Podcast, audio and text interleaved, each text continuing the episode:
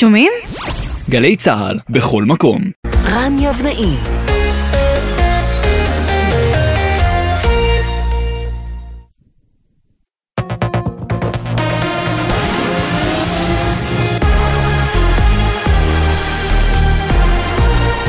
גלי צה"ל השעה שבע. ערב טוב, באולפן יהונתן גריל עם מה שקורה עכשיו.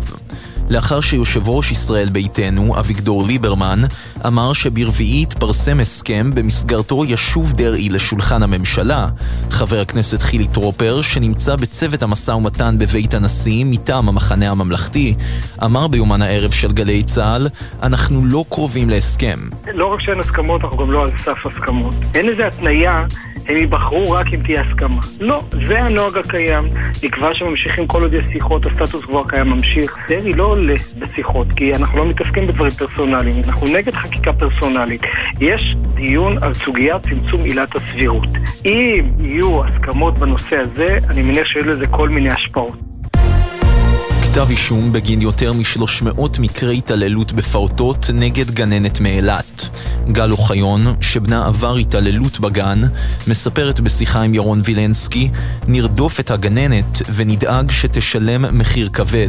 אנחנו מאוד מודים על הכתב אישום הקשה הזה. אנחנו נדאג שהיא תשלם והיא תשב על מה שעשתה לילדים שלנו. ואנחנו לא נשתוק ואנחנו נגיע לכל מקום שזה יהיה.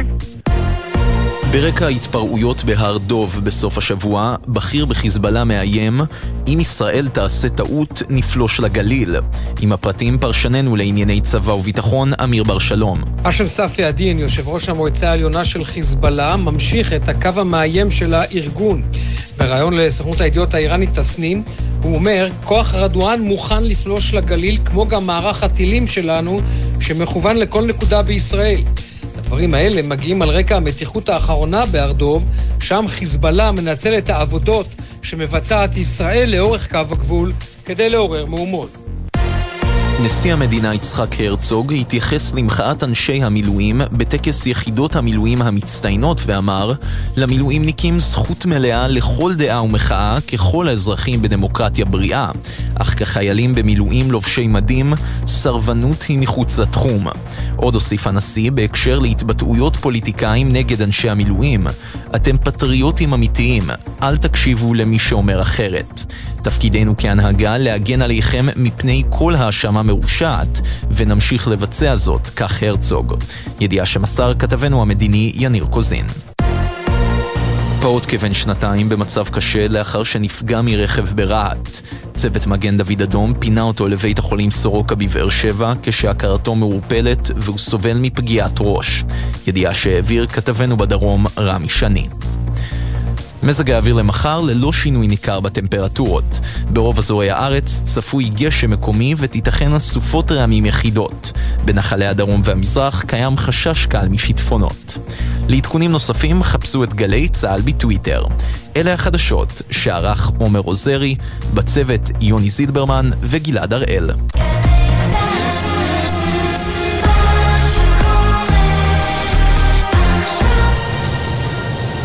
בחסות כל מוביל, היבואנית הרשמית של יונדאי, מיצובישי, אורה, מרצדס וג'נסיס, המציעה מגוון מסלולי קנייה מותאמים אישית, לפרטים כוכבית 3862. בחסות ביטוח ישיר, המציעה למצטרפים עד שלושה חודשים מתנה בביטוח המקיף לרכב. ביטוח ישיר, איי-די-איי חברה לביטוח, כפוף לתקנון.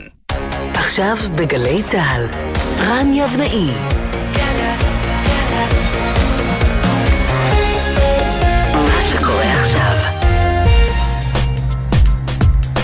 שלום לכם מאולפן 360 ביום, ההסכת היומי של גלי צה"ל, הזדמנות מעולה לחצי שעה של העמקה כל יום בנושא אחד שמעסיק את כולנו, מ-360 מעלות. Spring in the city, everything is in bloom, birds singing, bees stinging, and soon one love, one people, walking around in harmony, everybody is equal, yeah, I'm talking about equality, benevolent, intelligent, together in peace, I love everybody, yeah, that's what I believed. Until I rode on the metro. והפעם נבדוק שוב היכן עומד נכון להיום פרויקט המטרופולין השאפתני שמאגד כמה צמדי מילים כמו רכבת קלה, גוש דן ומטרו TLV. רעיון אדיר ונכון לנוכח הגודש התחבורתי והאנושי הגולש במטרופולין תל אביב. הבטיחו שמערכת התחבורה להסעת המונים המשולבת והאדירה של גוש דן תשנה לנו את החיים מהקצה אל הקצה. זה יקרה בעתיד הרחוק, כשננוע במעבה האדמה במערכת מנהרות חוצה שכונות וערים, ובאמצעות רכבת עילית מודרנית שתשלים את המטרו, הרכבת התחתית, אז נוכל להגיע בקלות ובמהירות, לבצע כל פעולה יומיומית, ביום ובלילה, בנוחות ובמהירות. תחילת התכנון בערך uh, מקום המדינה, אולי אפילו לפני בגלגולים שונים, בשיטות שונות ובתמחורים שונים. אבל צריך להדגיש שמדובר במהפכה של ממש, שדורשת תכנון קפדני בחפירות מתחת לאדמה, שעליהן החיים אמורים להמשיך ולהתנהל פחות או יותר כרגיל, כמו גם בעבודות על הקווים העיליים, שדורשות אפילו יותר מאמץ תכנוני משתנה והגדרת תקציבים מתאימים. עניין שגרם בינתיים לעיכובים בעבודות על הקווים העיליים הירוק והסגול. אגב, הקווים התחתיים של המטרו אמורים להיחנך רק בשנת 2037. עוד חזון למועד. בינתיים, ממשלות קמו, ממשלות נפלו, וקמו אחרות. עסקים נסגרו לאורך תוואי העבודות, העילי והתחתי, ובתוואי הקו הראשון, הקו האדום, כבר נעים קרונות ריקים מאדם בנסיעות מבחן לקראת פתיחה מבצעית שנדחתה רק השנה כשלוש פעמים. אומרים שזה בגלל אי קבלת אישורי בטיחות מתאימים ממשרד התחבורה. עוד מעט ננסה לענות על שאלת השאלות, מתי גם תושבי ומבקרי גוש דן יוכלו לנסוע בגאווה לפחות בקו הראשון, הקו האדום העילי, שהיה אמור להיפתח בתחילת השנה הנוכחית. בדקנו את סטטוס התקדמות המטרו לפני חצי שנה לערך. ואנחנו רוצים לדעת מה המצב דהיום. הנה אסף אה, זגריזק, כתב התחבורה של גלובס. השתנה לא מעט. אה, מיזם המטרו מקודם כרגע באמצעות שני רגליים. הרגל התכנונית, היא בעצם נועדה כדי להשלים את כל תוכניות המטרו, כדי שניתן יהיה אה, להוציא אותם לפועל ולהתחיל לבצע את הפרויקט הענק הזה. אז אנחנו יודעים שכבר אה, שני קווים אושרו בממשלה, מתוך אה, שלושה קווים, ונשאר עוד קו אחד, שגם אה, התוכנית שלו צריכה אה, להיות מאושרת בחודשים הקרובים. הרגל השנייה היא בעצם הרגל החוקית, הרגולטורית, שבעצם המטרה אה, של, אה, של חוק המטרו היא לסלול אה, אה, מסלול מאוד מאוד מהיר לקידום של הפרויקט העצום הזה, ובעצם אה, להכפיף את יתר...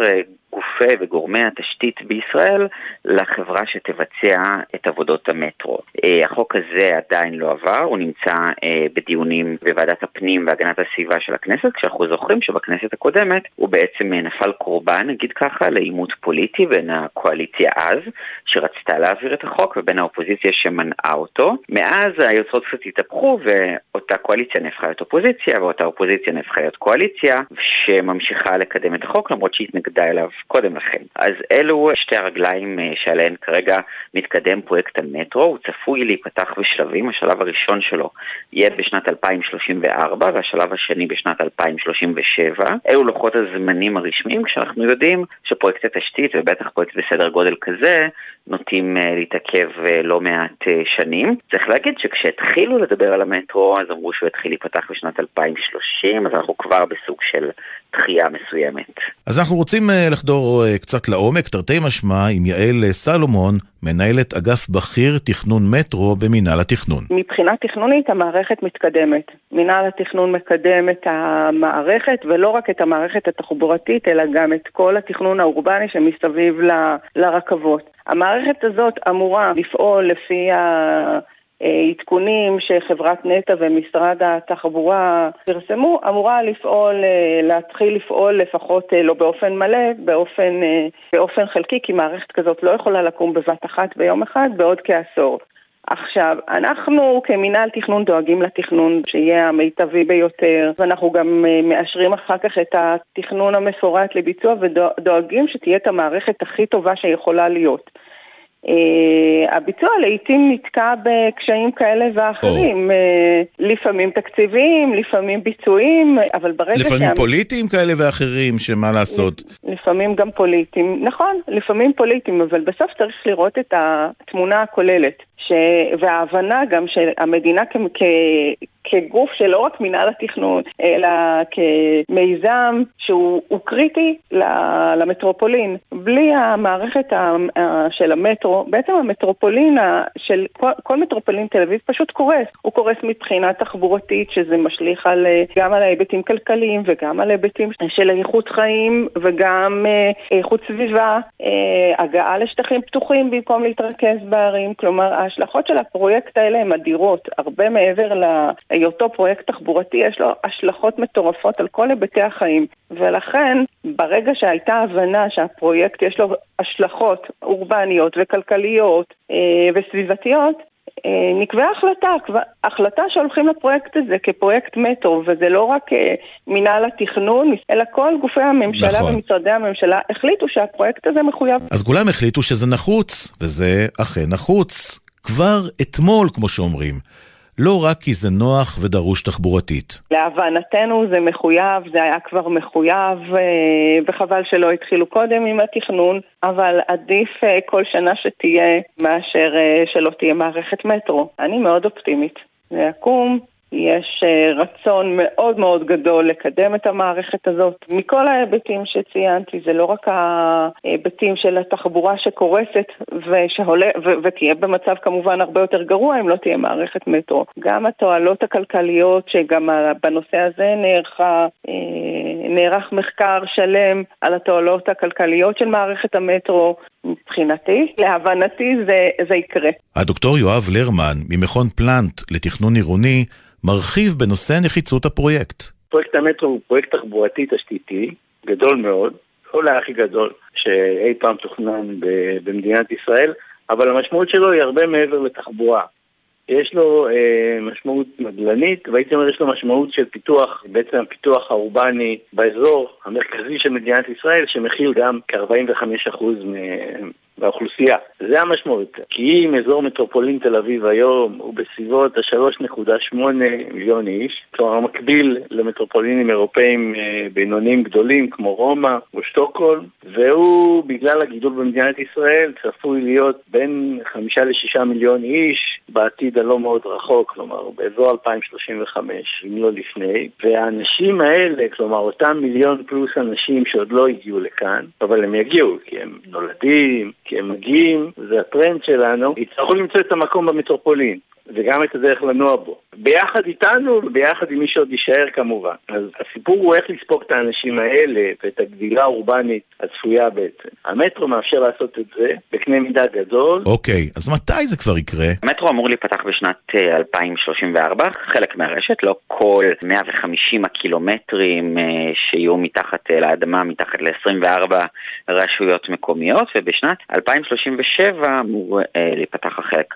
השני של המערכת הזו, כשהתועלת שהמשק יקבל מהמטרו מוערכת במשהו כמו 33 מיליארד שקלים בשנה. כלומר, כל שנה שהמטרו לא פועל, אז אנחנו אה, משלמים על, אה, על אובדן זמן, על תאונות דרכים, על זיהום אוויר, על הקושי בהנעת סחורות במדינה. אה, כל אלו בעצם המטרו אמור אה, לתת להם ערך, ובנוסף לזה דיברנו על מה המטרו יעשה בעצם לנדלן ולערים, שיש לו אה, חלק משמעותי מאוד אה, בניסיון להתגבר על משבר הדיור באמצעות דירות רבות שהתווספו בסביבת התחנות. כל אלו מוערכים במשהו כמו 33 מיליארד שקלים, אז כל שנה שהמטרו לא פועל, התועלת הזו נמנעת בעצם מהציבור הישראלי ומהמשק הישראלי. כשצריך להגיד שמעבר לתועלת הכלכלית ולאובדן אה, הכלכלי הזה, גם איכות החיים שלנו נפגעת. הרי כל אחד ואחת ש, אה, שמנסים לנוע בדרך כלשהי בתחבורה ציבורית או ברכב הפרטי פרטי במרכז הארץ יתקשו מאוד uh, לעשות את זה, כי המציאות בכבישים בישראל נהפכה לבלתי נסבלת. אגב, אם המטרו לא יוקם בזמן, אז אנחנו יודעים שהקו האדום, הקו אה, שאמור להתחיל לפעול, והקו הסגול והירוק שנמצאים כרגע בבנייה בגוש דן, יהיו בתפוסה של בין 150 עד 170 אחוזים, כלומר, אנשים לא יצליחו להיכנס לתוך, אה, לתוך הרכבות האלו. אז כדי באמת להימנע אה, מהידרדרות בשירות התחבורה, כשאנחנו נמצאים גם ככה בפיגור של עשרות שנים אחרי העולם המערבי, המטרו חייב לקרות וכמה שיותר מהר. בואו ניתן לחברים מ"זהו זה", גידי גוב בתפקיד הסבא, ואבי קושניר בתפקיד הנכד, לשאול את השאלות הקשות. סבא, אפשר לשאול אותך שאלה? כן, נכדי היקר. למה באלג'יריה, ארמניה, ארגנטינה, אזרבייג'אן, בלרוס, בולגריה, צ'ילה, מצרים, גיאורגיה, אינדונזיה, איראן, קזחסטן, צפון קוריאה, מלזיה, פקיסטן, רומניה, אוזבקיסטן, קולומביה ונסואלה ווייטנאם יש אה, רכבת תחתית, אבל בישראל אין. האמת, שאלה טובה. בסוף, כנראה תהיה. מה המשמעות הכלכלית של הפרויקט הזה? המשמעות של המטרו בגוש דן היא גם משמעות תחבורתית מבחינת היכולת לנוע במרחב, גם משמעות של פיתוח אורבני מבחינת יכולת לצמוח, וגם בסוף היום משמעות כלכלית נטו של עלייה בפריון, תמ"ג, יעילות כלכלית, כל המדדים האלה שעליהם מתבסס גם כל הערכת התועלות הכלכליות, שבעצם מראות גם בגלל המשקל של גוש דן במדינת ישראל, שבלי המטרו, מדינת ישראל עצמה, כגוף כלכלי, גולשת אה, מתחת למדדים של ה-OECD. כלומר, הופכת למדינה, מדינה עם צמיחה של עולם שלישי, עם פיתוח של עולם שלישי ועם שאר הדברים שכרוכים בזה. זה, זה המשמעות של הפרויקט בתכלס. בואו נחזור אחרונית בזמן, לשולחן השרטוטים, וננסה לברר היכן הייתה הטעות הראשונה בתכנון. גוש דן הוא אחד מהמטרופולינים הכי עמוסים בעולם מבחינת הצפיפות על הכבישים שלו, ואין פלא, הדבר הזה נוצר אה, בגלל התכנון במדינה, שמעודד אנשים להחזיק רכב פרטי, והתחבורה הציבורית מתקשה לתת בו מענה, וגם בגלל הזנחה של התחבורה הציבורית ותת השקעה במשך אה, המון המון שנים.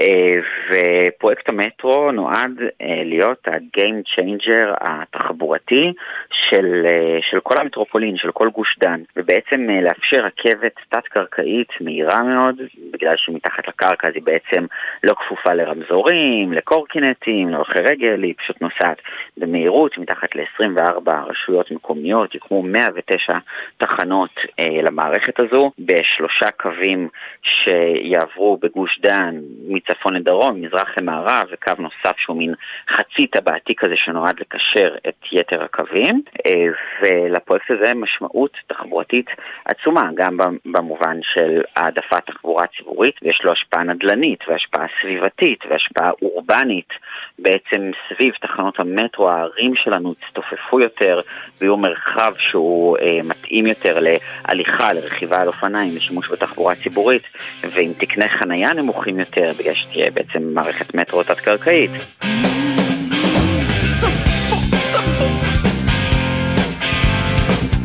אז ברוך השם, קצב הילודה בארץ הוא מהמתקדמים בעולם, ודווקא אצלנו התכנון המקדים לוקה בחסר.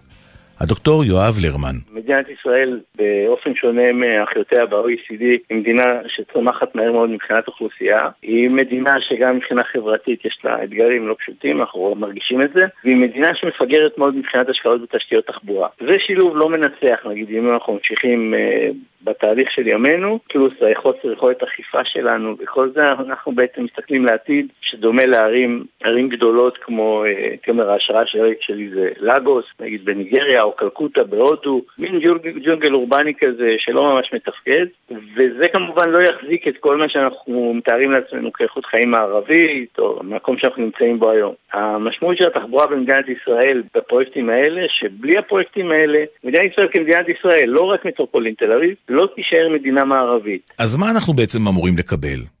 יעל סלומון ממינהל התכנון מפרטת בעבורנו. המנהרות שבעצם נחפרות אה, או נחפרו זה המנהרות של אה, קווי הרק"ל, הקו האדום זה קו רכבת קלה שחלקו הוא תת-קרקעי, עשרה קילומטר אה, תת-קרקעי, מנהרות בדומה למנהרות של המטרו עם תחנות תת-קרקעיות, אבל עדיין זה לא המטרו. זה קו של רכבת קלה.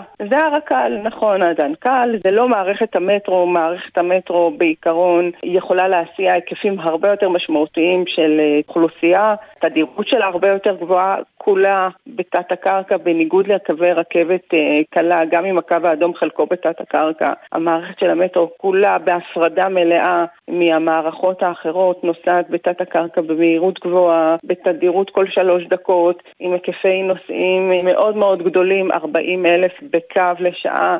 לעומת 7,500 ברק"ל. כלומר, זה היקפים שאי אפשר להשוות בכלל מבחינת היכולת הסעה של אה, מסות של אנשים לעומת קווי הרק"ל. ולכן נדרשים כל הקווים וכל אה, כל אמצעי אה, התחבורה, כלומר גם רכבות קלות, גם מערכות מטרו, גם רכבות פרבריות, גם אוטובוסים, גם אופניים והליכה. התפיסה היא שמשנים את, ה, את החשיבה של ה, אה, הרכב הוא במרכז, לאדם הוא במרכז. בעצם צריך לדמיין מרחב אורבני חדש. ובכל זאת, יש המון אה, טענות, בעיקר של בעלי עסקים לאורך התוואי, אבל לא רק, גם תושבים, על חוסר הנוחות ועל הפדיון שכמעט ונמוג. זה נכון, יש תקופה של, ה... בטח של העבודות, שהיא תקופה לא פשוטה, לא פשוטה לבעלי העסקים. גם בירושלים היו טענות מאוד מאוד קשות, הייתה פגיעה בתקופה בעסקים, והעירייה אה, גם סייעה לעסקים, גם בארנונות, הייתה תקופה, ו- ואנחנו אומרים את זה, יש תקופה של עבודות שהיא, שהיא לא פשוטה. אבל גם בתקופת הביניים הזאת צריך לזכור שזו תקופה של כמה שנים. גם אם מנסים לצמצם, זאת אומרת, בעיקרון, גם בתקופת הביניים יש דרכים לצמצם את הפגיעה. אה, לציבור ולסייע כמה שניתן, אבל עדיין יש פגיעה בזמן העבודות. השאיפה היא כמובן שגם בעתיד, עם, ה, אה, עם הניסיון שהיה, ימזערו את התקופה של, אה, של העבודות. בסוף התמונה הכוללת, וגם דרך אגב בשדרות ירושלים היום, שהולכים ב... אה, בשדרות ירושלים בתל אביב, המרחב הוא כבר פעיל ותוסס, אבל בסוף התמונה הכוללת שמה שרואים בעולם, מרחבים פעילים, נגישים, הסתכלות כבר לא רק לכלי רכב, רואים פתאום אה, גם, גם עכשיו, זה לא רק בירושלים, גם עכשיו שנערכים לקווי הרכבת קלה, רואים את המרחב הציבורי שמסתכל כבר אחרת לאנשים, מדרכות יותר רחבות, הצללות. בסוף, הכל מתחיל ונגמר בחקיקה. חוק המטרו, שחוקק בין היתר על מנת לייצר את התשתית החוקית שתאפשר את הקמת הרכבת התחתית בגוש דן. אסף אה, זגריזק מגלובס. החוק אה, בעצם אה, לא, הוא לא המצאה ישראלית לגמרי, הוא נהוג גם במקומות אחרים שבהם אה, מייצרים מערכת כל כך כבדה שדורשת התארגנות כל כך משמעותית. בישראל לא נעשה עדיין פרויקט בסדר גודל הזה ולכן בעצם נחקק עבורו חוק מיוחד. החוק כולל כמה דברים, גם את הנושא של תקצוב הפרויקט, כלומר מאיפה מביאים את הכסף. שחצי ממנו יובא מתקציב המדינה, אבל חצי יובא באמצעות הטלת מיסים והשבחת קרקע בסביבת התחנות. אז החוק מסדיר בעצם את כל, ה, את כל העניין אה, הזה, וזה עניין לא קטן. בנוסף, החוק גם אה, מסדיר את הקמת המוסדות שינהלו את המטרו. למשל, רשות מטרו אה, תוקם והיא תהיה הגוף המנהל ותהיה גם מועצה מאסדרת, שהמועצה הזו בעצם תכלול נציגים של כל מיני גופי תשתית בישראל כדי לפתור בעיות מסביב לשולחן אה, קבלת החלטות. אז מה ניתן לעשות היום על מנת לייעל את התהליך? הדוקטור יואב לירמן. אם אתה שואל אותי מה לעשות היום, זה כנראה שאנחנו אה, חייבים מחר בבוקר להקים רשויות תחבורה מטרופוליניות. דהיינו, אה, גופים שלטוניים מרובי סמכויות שיכולים לקבל החלטות במרחב גיאוגרפי גדול, שהוא כמו מטרופולין תל אביב או מטרופולין חיפה וכדומה, כדי שניתן יהיה לנהל את האירועים המורכבים במרחבים העירוניים של ישראל, שבהם אגב גרים אה, רק בארבעת המטרופולינים הגדולים, כן, בלי האזורים הפריפריאליים זה 80-85% מהאוכלוסייה. אנחנו לא מסוגלים לנהל אותם יותר. בשיטה שאנחנו מנהלים את הכל מהממשלה, בעצם, כולל את השיטור, כולל את התחבורה, כולל את המיסוי, אנחנו בעצם מאבדים את היכולת לנהל את, ה, המקומות המורכבים במדינה. כל ראש עיר שתשאל אותו כמה, כמה קשה לו לעבוד, והכל נובע כי אנחנו מדינה בינונית, לא מדינה קטנה, שמנסה לעשות הכל דרך הממשלה. אז זה פשוט כבר, זה, הייתי אומר, זה סיימנו. להקים מחר את הרשויות המטרופוליניות, לגרוס את פקודת העיריות ולכתוב אותה מחדש. אנחנו חיים עם, עם חוקים מאמצע המנדט הבריטי פה, כי עד עכשיו התעצלנו מ-48 להבין שאנחנו מדינה עצמאית, אבל אולי עכשיו עם כל הזה, דיבורים על רפורמה ורגע חוקתי וכל זה, אולי הגיע הזמן להקים רפובליקה ישראלית חדשה, תוכל להתמודד עם האתגרים האלה. אז בהחלט, הייתי אומר שהמבנה החוקי והממשלי שלנו זה הדבר הראשון, כדי שיהיה סמכויות מטרופוליניות וסמכויות הרבה יותר ענפות בשלטון המקומי, ואחרי זה אפשר להתקדם הרבה יותר מהר גם לביצוע של מטרו, קידום של תנועה קיימת, פיתוח אורבני ראוי. טוב, בואו נשמע איך זה אמור להיראות בסוף. התחנה עצמה היא תחנה בתת הקרקע, אבל ההשלכות של תחנה שמגיעה למרחב אורבני מדירות. כלומר, הכניסה שלנו עכשיו כמינהל תכנון עם תוכנית אסטרטגית למרחב התחנות, זה בעצם השינוי המשמעותי שיקרה במרחב של הערים. ממרחבים שהם אה, תלויי רכב, המגמה היא מגמה של תכנון מוטה תחבורה ציבורית, שזה אומר שיש מרחב שהוא זמין לאנשים לכיוון התחנות, מרחב שהוא מעורב שימושים, אה, הכוונה שזה גם מגורים וגם תעסוקה וגם מסחר, שהוא פעיל לאורך שעות היום, עם נגישות לתחנה גם מבחינת המעברים לתחנה מרחובות גובלים וגם אה, כמובן מהמבנים שנמצאים אה, בנגישות מיידית לתחנה. כלומר, שינוי של המרחב האורבני כולו. הדוקטור יואב לרמן ממכון פלנט לתכנון עירוני מסכם. אם אנחנו מתקדמים ראוי, כן, מדינה שצומחת להיות 12, 13, 14, 15 מיליון איש, אנחנו יכולים לקחת את כל מי שיבוא, לתת לו דירות ראויות למגורים, עם נגישות תחבורתית בינונית פלוס, כמו נגישות שמאפשרת לו לחיות את חיי היום-יום וגם למצוא עבודה, ולעלות ברמת החיים לאט לאט. אם אנחנו לא עושים את זה, אז אנחנו ממשיכים בהידרדרות למדינה עם הרבה, זה לא פקקים רק, כן, בתקשורת תמיד פקקים. כן, בשבועות אי אפשר יותר לבקר את ההורים, בסדר. גם בפסח לא לבקר את ההורים, מקובל. אבל זה הרבה יותר מהחגים, זה אומר שגם ביום-יום הרבה מאוד אנשים לא יוכלו לבצע דברים. הבחירה שלהם במשרה תהיה הרבה יותר מצומצמת, איכות החיים מצומצמת, פריון יותר נמוך, ומדינה שפשוט הרבה יותר גרוע לחיות בלי כל האתגרים האחרים שאפשר להרחיב במדינה הזאת, אלא פשוט ביום-יום. כל מי שטייל באפריקה במעמקי אפריקה, מדרום לסהרה, או במדינות המזרח היותר נחשלות, אה, יודע איך הדברים נראים כש, כשאין מנגנון ממשלי שמתפקד. חשוב לי להדגיש שפרויקטים בסדר גודל הזה הם לא רק תחבורתיים, והדבר השני באמת שאנחנו כמדינת ישראל שנכיר בזה שאנחנו מדינה בינונית פלוס ונתנהג בהתאם. Like a firefly עד כאן 360, ההסכת היומי של גלי צה"ל. בכל יום 30 דקות של צלילה לתוך נושא אחד שמעסיק את כולנו מ-360 מעלות. אנחנו זמינים לכם ביישומון גל"צ ובכל אפליקציות הפודקאסטים המובילות.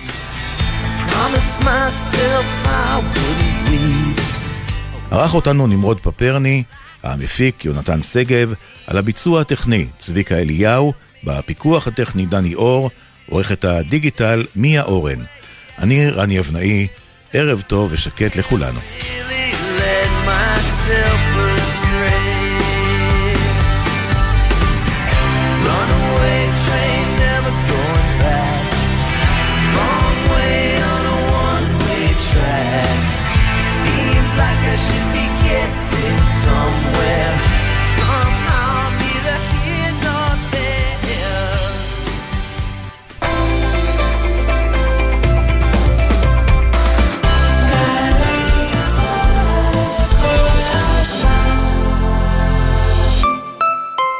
עמיתי המועדון חבר היקרים, כאן אדווה פישר, מנכ"לית המועדון. אני נרגשת להזמינכם ליריד חבר החדש בסימן מתחברים לזמן שלכם. חגיגת קניות בשישה מקניוני עזריאלי מצפון הארץ ועד דרומה, וגם כרטיס מתנה למימוש במגוון רשתות. נשמח לראותכם מ-14 ביוני. פרטים באתר מועדון חבר. זה הכל בשבילך, עכשיו בלוטו הפרסים גדולים במיוחד. בלוטו 35 מיליון שקלים, ובדאבל לוטו עד 70 מיליון שקלים. הופה! המכירה אסורה למי שטרם מלאו לו 18. אזהרה, הימורים עלולים להיות ממכרים. הזכייה תלויה במזל בלבד. שלום, כאן ראש מטה פיקוד הדרום, תת-אלוף מנור ינאי. בציון 50 שנה למלחמת יום הכיפורים בחזית הדרום, אנו מזמינים אתכם, לוחמי העבר ומפקדי העבר, לערב הוקרה של פיקוד הדרום ביום שלישי, כ"ד בסיוון, 13 ביוני. לפרטים ולהרשמה חפשו באתר צה"ל לאורם כיפור, או התקשרו למוקד במספר 052-310-2426. אה, קטורזה, מה קורה? אני מקווה שאתה לא שוכח למחזר. מנסה, דדי, אבל זה מבלבל המחזור הזה. מה הולך לאיזה פח? נניח שם פושקדים. זה טואלטיקה? זה, זה פיצוחים? בן אדם היום בשביל לזרוק לפח צריך חמש יחידות פחחות. קטורזה, על האריזות שהולכות לפח הכתום יש סימון מיוחד. חפשו את סמלי המחזור על האריזות ותדעו בדיוק מה הולך לאיזה פח. תמחזרו, זה מה שעושים היום. תמיר, חברה לתועלת הציבור. הכלכלה בין מצפה רמון לצפת עוברת בשדרות. יומן הצהריים בגלי צה"ל מגיע לוועידת שדרות לכלכלה, על כלכלה מקומית ועוצמה לאומית. אמיר איבקי בשידור מיוחד מהכנס. מחר, 12 בצהריים, גלי צה"ל. עכשיו בגלי צה"ל, אמיר בר שלום עם רצועת הביטחון. הבית של החיילים, גלי צה"ל